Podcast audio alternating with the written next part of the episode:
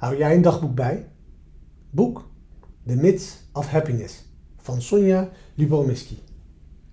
De wetenschap is hierover heel duidelijk. Een dagboek bijhouden is een van de meest robuuste manieren om ons optimisme te stimuleren. Het blijkt een eenvoudige manier te zijn om je motivatie hoog te houden. Sonja Lubomirski is een van de werelds meest vooraanstaande wetenschappers die het welzijn van mensen onderzoekt.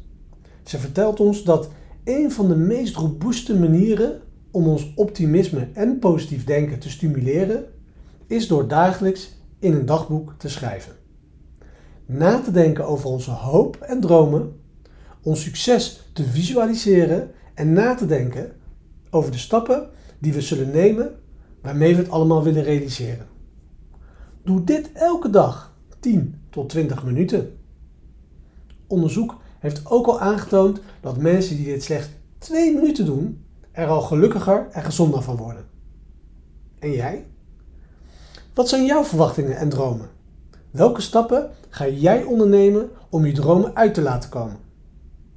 En hoe lang is het geleden dat jij nog iets in je dagboek hebt geschreven?